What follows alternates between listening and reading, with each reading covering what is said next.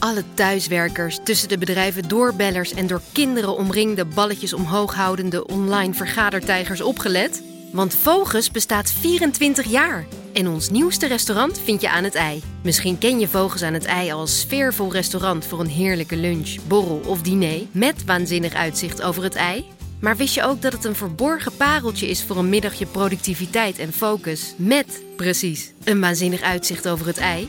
En wie jarig is, trakteert. Kom hier tijdens de wintermaanden een middagje werken en krijg 24% korting op je bonnetje. Zien we je binnenkort bij Vogels aan het ei? Hi, Tom hier van Alle Geschiedenis Ooit. Deze week heb ik het over een van de belangrijkste filosofen en socialisten van de 19e eeuw, Karl Marx. En hoe hij zo belangrijk is geworden en waarom dat eigenlijk zo vreemd is, hoor je aankomende zaterdag dus bij Alle Geschiedenis Ooit, exclusief op Bonnemouw.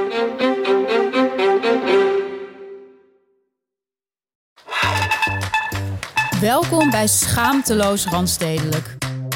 Mijn naam is Doortje Smithuizen, naast mij zit Perre van den Brink. En in deze gloednieuwe en broodnodige podcast houden wij elke week de jonge stedeling een spiegel voor. We onderzoeken de paradoxale relaties met de systemen om ons heen. Ja, want we zijn allemaal tegen uitbuiting. Maar we willen ook dat er binnen drie minuten een Uber voor onze deur staat. En we willen allemaal een unieke eigen stijl. Maar kopen precies dezelfde spullen via Instagram. Schaamteloos Randstedelijk, een podcast voor alle jonge mensen in de stad op zoek naar houvast. Vandaag in deze eerste aflevering, we zijn het allemaal, maar willen het nooit zijn. Toerist. Maar eerst, Perre, voordat we beginnen over het toerisme. Waarom maken wij deze podcast? Ik denk dat het goed is om eerst even te vertellen hoe wij elkaar hebben leren kennen. Want wij kennen elkaar uit Amsterdam-Noord. Uh, Ja. waar we allebei wonen. Uh, jij hebt een eigen um, mediabureau, kan ik dat zo zeggen? Uh, nee, eigenlijk is het meer merkstrategie wat we doen. Okay. Maar het is wel een bureau. Oké, dus de helft dat je goed. Je hebt een merkstrategiebureau. Ja. daarvoor heb je lang voor Vice gewerkt. Je was eigenlijk gewoon de baas van ja, Vice. Ja, van de content en het agency van Vice. dat heb ik gerund, ja. Contentbaas van Vice. Ja, precies. ik, ben, uh, ik ben journalist, ik maak documentaires, ik schrijf stukken voor kranten. En wij hebben wel eens samengewerkt voor jouw uh, contentstrategiebureau. Wat ook in Noord gevestigd is. En daar uh, ja, raakten wij al snel aan de praat over onze relatie met Noord. Ja, over Amsterdam-Noord inderdaad. En, en, en hoe jij daar uh, pas net woonde. En Ja. hoe ik daar eigenlijk geboren en getogen ben. En daarna verhuisd ben. En toen weer teruggekomen als een soort ander... Als een import Ja, en ook in, het is heel goed dat je dat zegt. Amsterdam-Noord, trigger warning. Ehm, we gaan het nu even veel over Amsterdam-Noord hebben en over Amsterdam. En dat klinkt misschien heel in-crowd. Maar deze podcast gaat niet alleen maar over Amsterdam. Is- we gebruiken Amsterdam-Noord als de arena voor een groter Precies, fenomeen. als de maquette voor een groter, voor Dus een groter ieder- iedere horeca-naam die je bedoelt, die bestaat ook in jouw stad. ja, bij wijze van spreken. Want jij, jij hebt een aparte relatie met Noord. Ja, dus, dus ik ben echt een geboren en getogen eh, Noorderling, zoals je dat dan zegt. Eh, en toen ik eh, denk 18 was of zo, ben ik, ben ik eh, uiteraard naar de stad gegaan. Want in die tijd was Noord natuurlijk niet echt de coole plek die het nu is. Dus toen heb ik... e- is twintig jaar geleden. Ja, ja. Thanks voor de reminder. Meer dan 20 jaar geleden. maar dus ik, ik ging natuurlijk meteen na- naar de stad toe. Eerst in het centrum Waar gewoond. ging je dan heen? Ja, waar ging Ja, je eerst, heen? eerst heb ik boven een club bij het Rembrandtplein Oh ja. gewoond. Dat is echt 18. Dat was, dat was gewoon toen helemaal top. Want ik was toch nooit s'nachts thuis. Ja. Dus eh, whatever, weet je wel. Maar ik kon wel echt... Ik woonde, of ik sliep boven de garderobe van die club. Welke club? Ja, dat heette dus toen Sinners in Heaven. Oh, wauw. Sinners, ja. En dat, eh, daarna heette het Home en, en nog iets. Ik, weet- Ja. ik weet niet meer wat. Maar in ieder geval, toen, toen ik er woonde, heette het Sinners. Eh, en ik organiseerde zelf ook feesten in die tijd. Oh, Dat, dat was ook mijn werk. Dus ik was toch nooit s'nachts thuis. Dus voor mij was het prima om daar te wonen. Maar in ieder geval, vanuit daar ging ik naar West. eh, bij Mercatorplein gaan wonen. Vlak na de, of ja, een paar jaar na die Mercatorpleinrellen. En toen eigenlijk die hele buurt zien, zien gentrifyen. Mhm. Totdat ik eh, zelf ook op het punt kwam dat ik kinderen kreeg. En zin had om zelf te gaan gentrifyen. Precies, en ja. meer ruimte wilde en gewoon alles wat je dan, wat je dan wil. En toen dacht ik, ja, dit is eh, als, als recht, rechtvaardig, of recht, eh, hoe zeg je dat? Recht, Rechtschapen. ja, eh, Amsterdammer, Ja. natuurlijk maar één optie. en dat is binnen de ring blijven. En in dat geval was Noord gewoon de beste optie. Ehm, dus toen ben ik daar gaan wonen. Eigenlijk net te laat. Want ik moest al eh, behoorlijk overbieden op mijn huis. Want jij woont daar nu iets van z- zes jaar? Nee, nee, nee, korter, korter. Eh 2018 ben ik er Ah, gaan wonen. Eh, dus eh, dat was net toen, toen, toen de huizen Ja. eh, booming, de huisprijzen booming werden. En toen kwam ik dus eigenlijk terug in Noord als een soort jup, weet je. Ik ging daar Ja. weg als een Noorderling en ik kwam terug als de Als het probleem. ja, als het probleem eigenlijk. Met een, met een kind. Ja, en en eigenlijk alles wat, wat echte Noorderlingen niet leuk vinden aan Noord nu, was ik geworden, weet je. Wat dan? Nou ja, gewoon jup. Weet Ja, je? ja. Eh, eh, havermelk slurpende, eh, jong gezin. Ja, eigenlijk alles wat, wat echte Noorderlingen niet, niet relaxed vinden. En ook die dag dat ik ging verhuizen, stapte ik de, de verhuizenwagen uit. En tegenover mij wonen mensen die hun hele leven al daar wonen. En je, ik voelde gewoon hun, hun ogen in mijn rug van fucking juppen. Weet je Ja. wel, van they're taking over. Daar is er weer een. Ja, ja. En eh, dus ik ben me heel bewust van die, van die rol in Noord, ehm, eh, ja, die ik speel eigenlijk. Eh, ik voel me daar ook wel schuldig over of zo op een bepaalde manier. Want ja, ik kom er ook vandaan. Ja, ik- wanneer, wanneer voel je je schuldig dan? Nou ja, kijk, het zijn van die paradoxen. Dat ik aan de ene kant, ik hou natuurlijk van Noord, ik kom er gewoon vandaan, Ja. weet je. Dus ik voel me heel erg thuis en ik wil ook niet dat het te veel verandert. Nee. Maar aan de andere kant wil ik gewoon een fatsoenlijke koffietent Ja. binnen, binnen een straal van 500 meter in mijn, van mijn huis. Nou, precies dit heb ik ook. Want ik woon nu eh, bijna een jaar in Noord. Wel, ik moet zeggen dat ik echt in Noord Light woon. Dus echt de, de korte pont en dan één minuut fietsen en dan ben je Ja, je woont eigenlijk uh, pretty much op de Dam. Ja, ik word eigenlijk op Centraal Station. ja, ja, precies. Maar ik doe wel de hele tijd alsof ik heel noordelijk ben. En eigenlijk wil ik inderdaad ook dat Noord, nu ik er woon, mag het niet meer veranderen. Ja. Dus mijn, mijn verhuizen naar Noord moet het hoogtepunt van de gentrificatie zijn. En hierna mag er niks meer. Wordt het allemaal authentieker? Ja, precies. Dus ik heb ook dan, eh, als ik ochtends een rondje hardloop door de buurt of ik ga ergens eten of zo, dan, dan, dan ben ik ook heel als een soort, ja, een soort, zo'n soort vogelbeschermer in een natuurgebied. Van, oh, ik hoop zo niet dat hier, dat hier dan weer een projectontwikkelaar of dat daar dan weer iets anders is.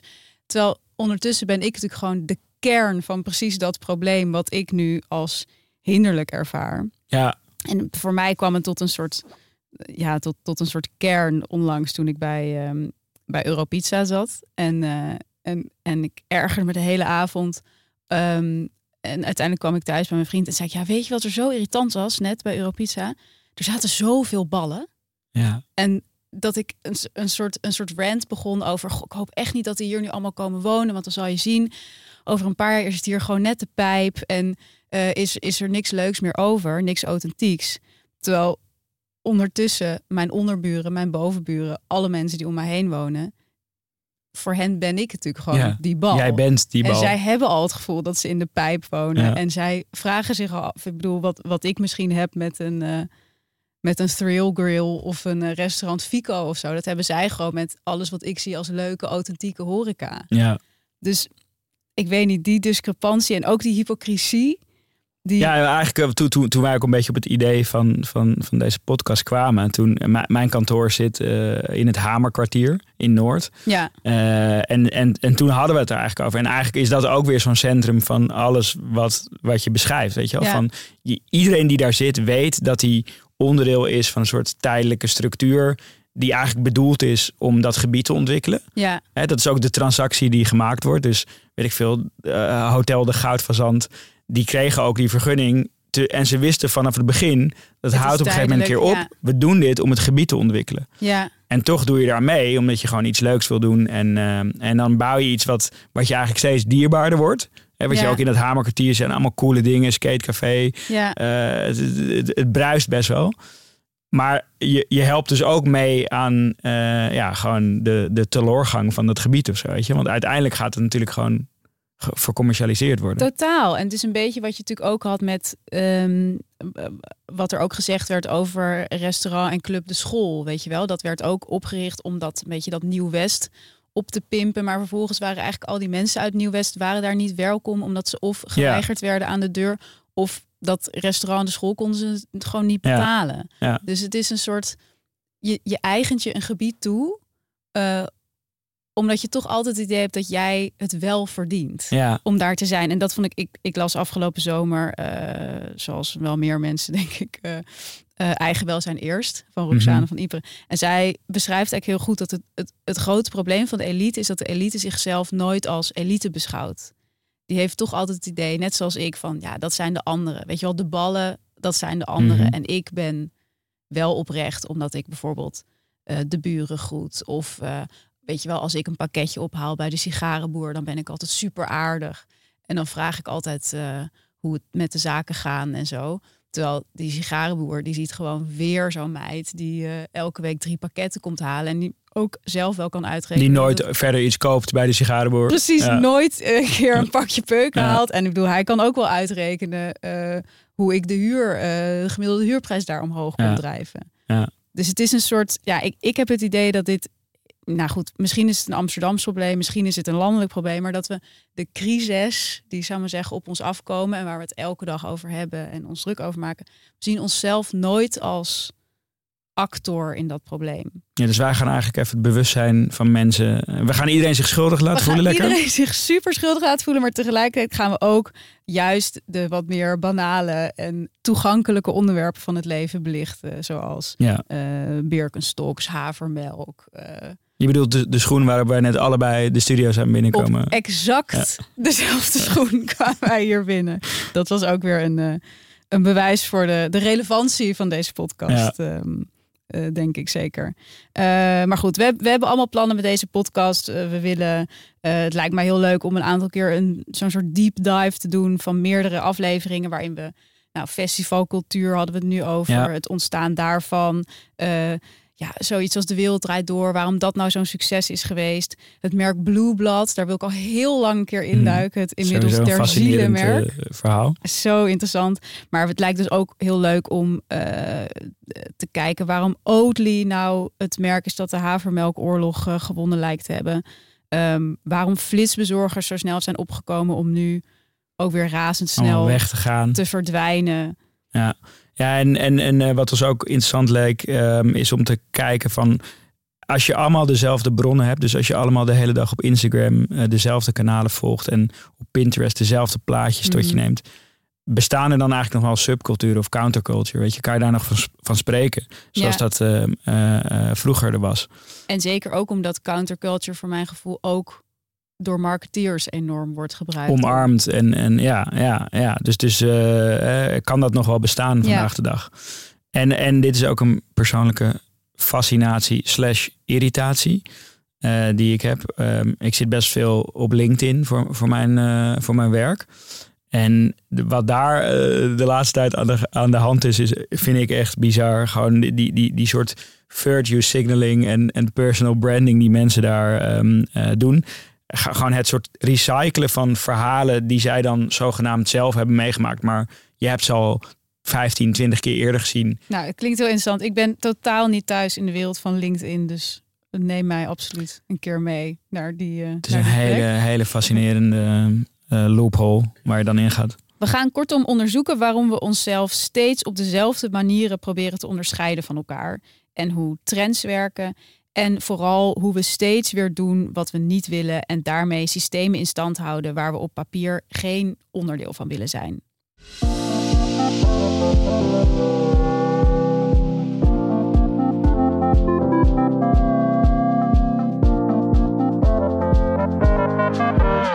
Oké, over naar het onderwerp van deze eerste aflevering.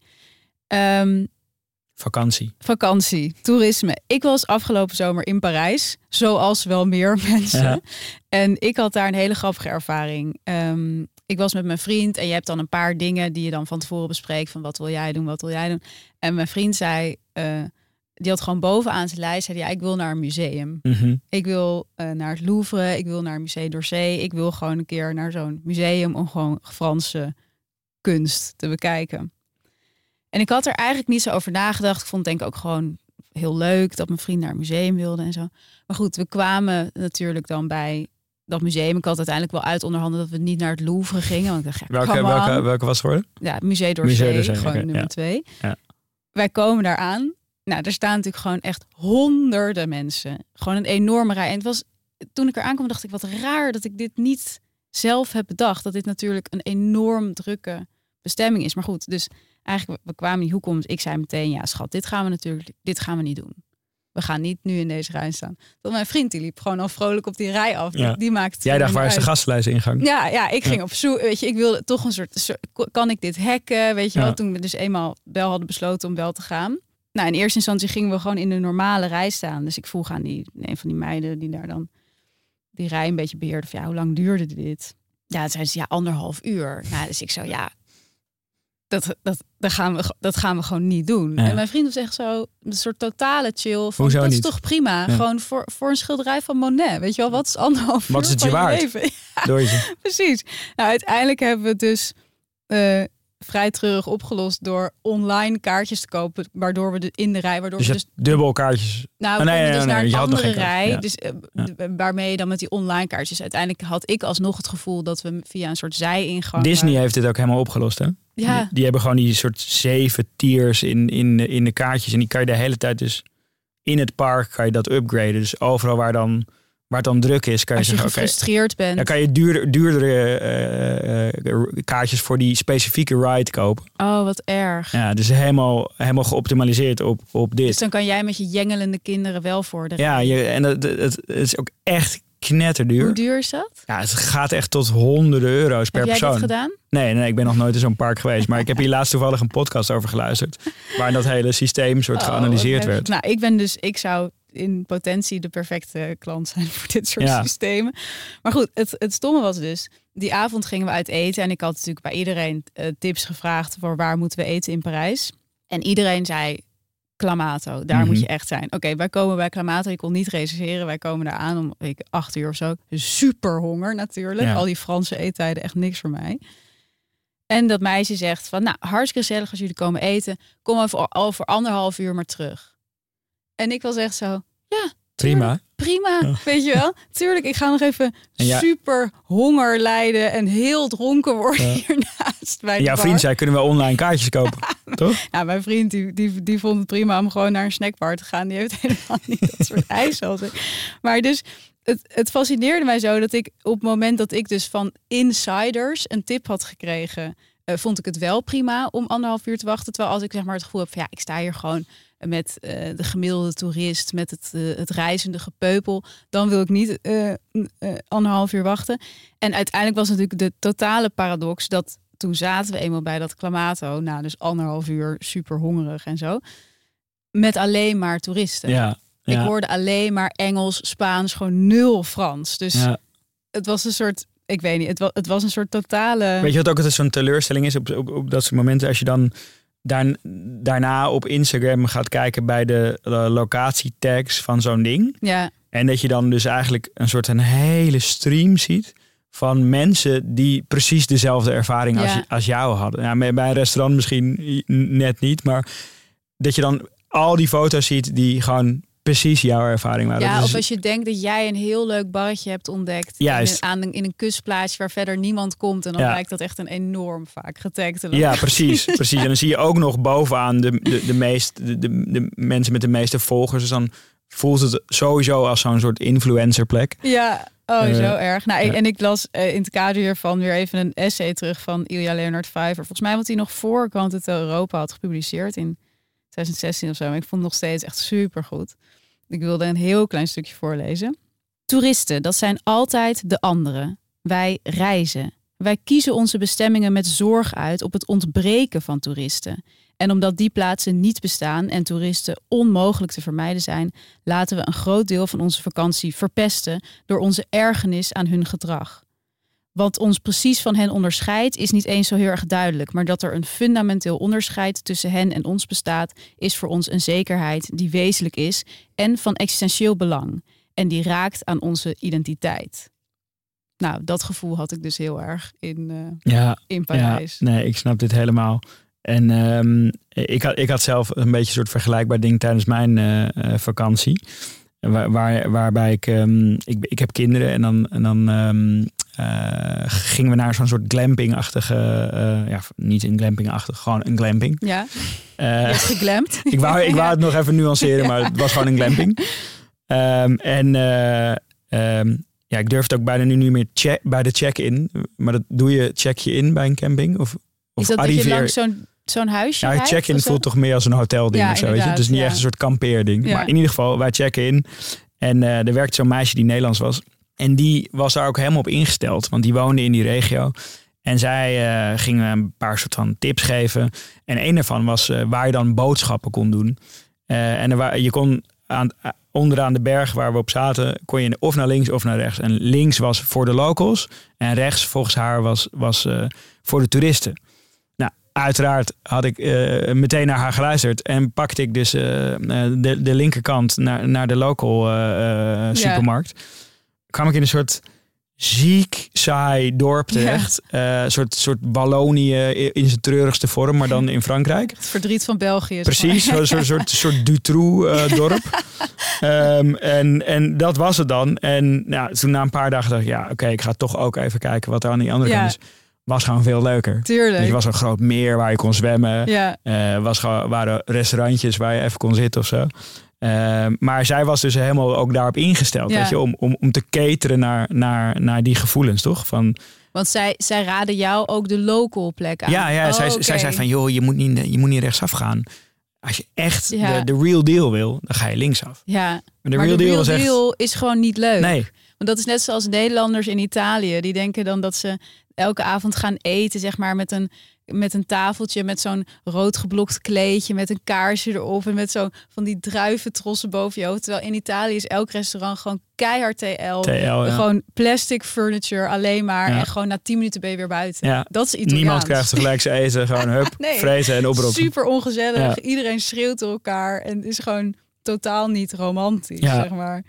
Maar ja, nee, het is, het is interessant ook hoe de, hoe de mensen in je omgeving, of, of ja, het, het inderdaad het aanwezig of afwezig zijn van toeristen, hoe dat je, je blik beïnvloedt. Want ik, ehm, ik was na Parijs, gingen we dus door naar Zuid-Frankrijk en daar kwamen we eigenlijk toch wel een beetje in de natte droom, denk ik, van elke dertiger in Frankrijk. Want we waren in een kustplaats. Echt heel erg mooi en best wel ongerept ook.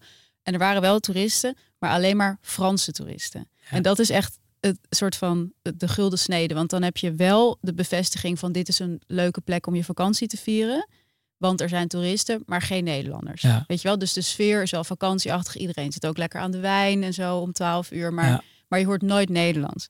Dus wij waren helemaal gewoon heel tevreden met, met die plek. Ik- was zelfs zo tevreden dat ik akkoord ging met elke dag naar hetzelfde strand gaan. Dat is wat ik normaal ben ik juist iemand die dan nee elke dag iets anders want saai weet je wel. Maar goed wij- Want Discovery. gewoon elke dag zelfde strand zelfde lunchtent helemaal prima. Dus ik zat op weet ik veel dag vier of zo op dat strand zat ik gewoon weer eh, heel chill daar in het water. En toen zag ik dus ineens mijn trainer het strand opkomen. En ik kwam in een soort in een soort existentiële onderhandeling met die plek Ja. dus zo, wat zegt het dat hij er is? Sowieso natuurlijk ook heel erg nagaan van ga ik hem groeten? Toen dacht ik, ja, ik bedoel, mijn vriend kent hem ook. Hij gaat Ja. hem zeker aanspreken. Ja. We gaan dus de rest van de vakantie met hen hier zitten. Als we hier zitten, vind ik het dan nog leuk? Nee, natuurlijk niet, want niet lokaal, weet je wel. En het, het maakte zo, het maakte die hele Ja. plek, om niet te zeggen de hele vakantie, gewoon anders dat hij dat strand opkwam. ja. Uiteindelijk was het hem natuurlijk niet. Het was gewoon Ik heb, het in het, ik, heb het, ik heb het ook een keer meegemaakt. Oh, en, ja, maar dan was het, was het dus wel die persoon. Oh, En het maakt inderdaad wel je hele... eh, het is eigenlijk toch een klein beetje verpest. Maar wij hadden dat gevoel allebei. uh-huh. En je zegt, precies wat jij beschrijft, van dat je elkaar ziet, dat je denkt, kut, dit Ja. is gewoon niet goed. We moeten, we, gaan, we, gaan we dit doen of niet? En toen besloten we dus allebei om het niet te doen. Maar dat, werd dat om werd dus geen contact te ja, maken. Maar, maar dat waar werd- was dit? Eh, echt in, op een heel klein eiland in Thailand. Ja, Eh, eh, waar, hoe waar, negeer je elkaar dan? nou, dat, dat ging dus de rest van de, van de vakantie door. En het werd iedere dag ongemakkelijker. Want het was zo maar duidelijk het was dat een ander stel. Of het was... Ja, ik kende, ik kende die, die, die, die jongen kende ik een Oh, beetje. Eh, en haar, ik, ik, ja, wij kenden elkaar gewoon, weet je. Oh, wat erg. En iedere dag negeerden we elkaar weer. Maar het werd iedere dag ongemakkelijker. Ja, maar ah, ik aan zou dan weggaan, denk. Ja, het was, het, maar dat, dat- ja, dat, dat, ik weet eigenlijk niet. Dit is heel lang geleden. Want op een gegeven moment heb je dan natuurlijk zoveel dagelijkse stress van het ja, je, ja, precies. Want je, je, je, je voelt je helemaal niet meer chill. Want je, Nee. bij alles wat je doet, denk je: God, ik hoop niet dat zij dan ook daar zitten. Want het was een heel klein eilandje.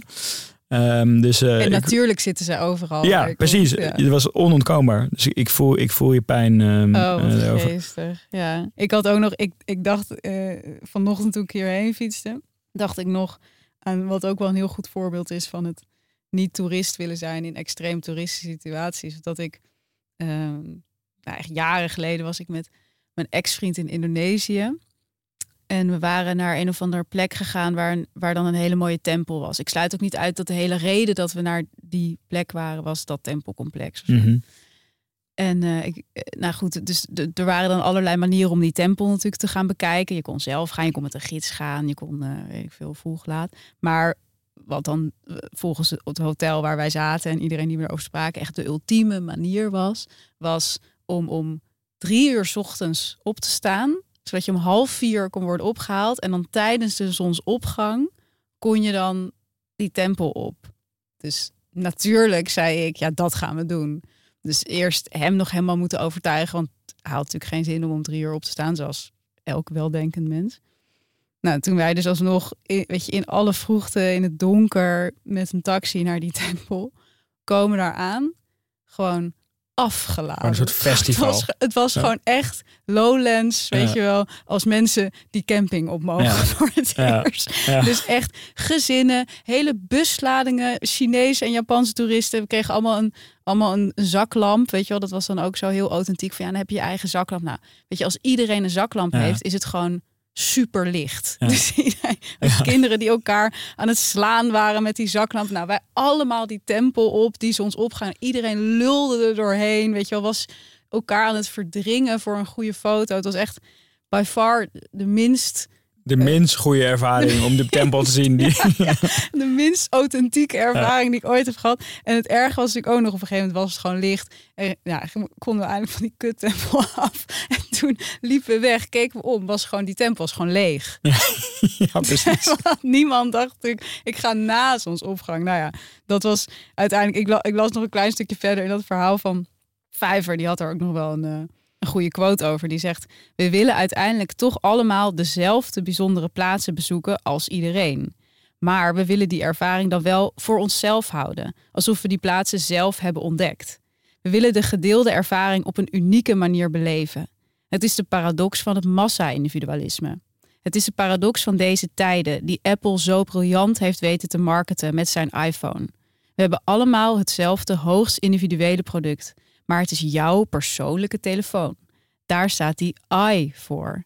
Maar tegelijkertijd hoef je niet bang te zijn dat je toevallig de verkeerde hoogst individuele telefoon hebt uitgezocht, want het is dezelfde hoogst individuele telefoon die iedereen heeft. En net zo zijn onze reizen. Ja. En dat dacht ik, ja, ik denk dat ik me dan onderscheid door super vroeg zo'n tempel op te gaan, maar uiteindelijk ben ik natuurlijk gewoon net zo erg als alle andere ja, dit is wat ik net bedoelde met ja. het is zichtbaarder dan ooit. Als je dan even zo'n locatie-tag eh, bekijkt, dan, dan dat, je, dat je dat ook echt daadwerkelijk achteraf ook nog even kunt zien. Ja, precies. Maar met Noord is het volgens mij net zo. Ik denk dat ik anders ben dan andere nieuwe Noorderlingen, omdat ik wel met heel veel respect uh, met de buurt omga. En ik maak wel altijd een praatje bij de wasseretten. Terwijl dat is natuurlijk gewoon onzin. Dat is gewoon een soort, ja, iets wat je jezelf voorhoudt. Een illusie. Ja, en zo is het eigenlijk het hele leven, heb ik het idee. We, we zien eigenlijk wel dat ons eigen leven en onze eigen keuzes, dat dat precies hetzelfde is als de mensen om ons heen, maar toch voelen we ons eigenlijk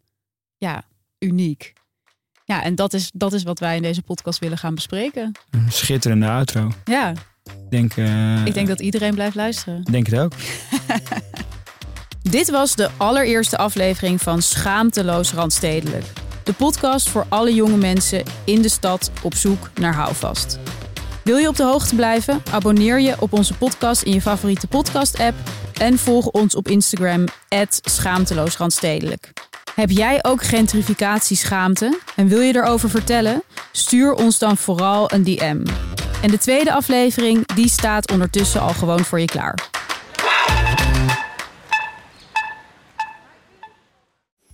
En? Heb je al besloten of je middagje bij Vogels aan het ei komt werken? Omdat Vogels 24 jaar bestaat, geven we jou tijdens de wintermaanden 24% korting. Onze wintermaanden zijn december, januari en februari. En de actie is geldig op maandag tot en met vrijdag. Misschien helpt dit je om een middag te kiezen.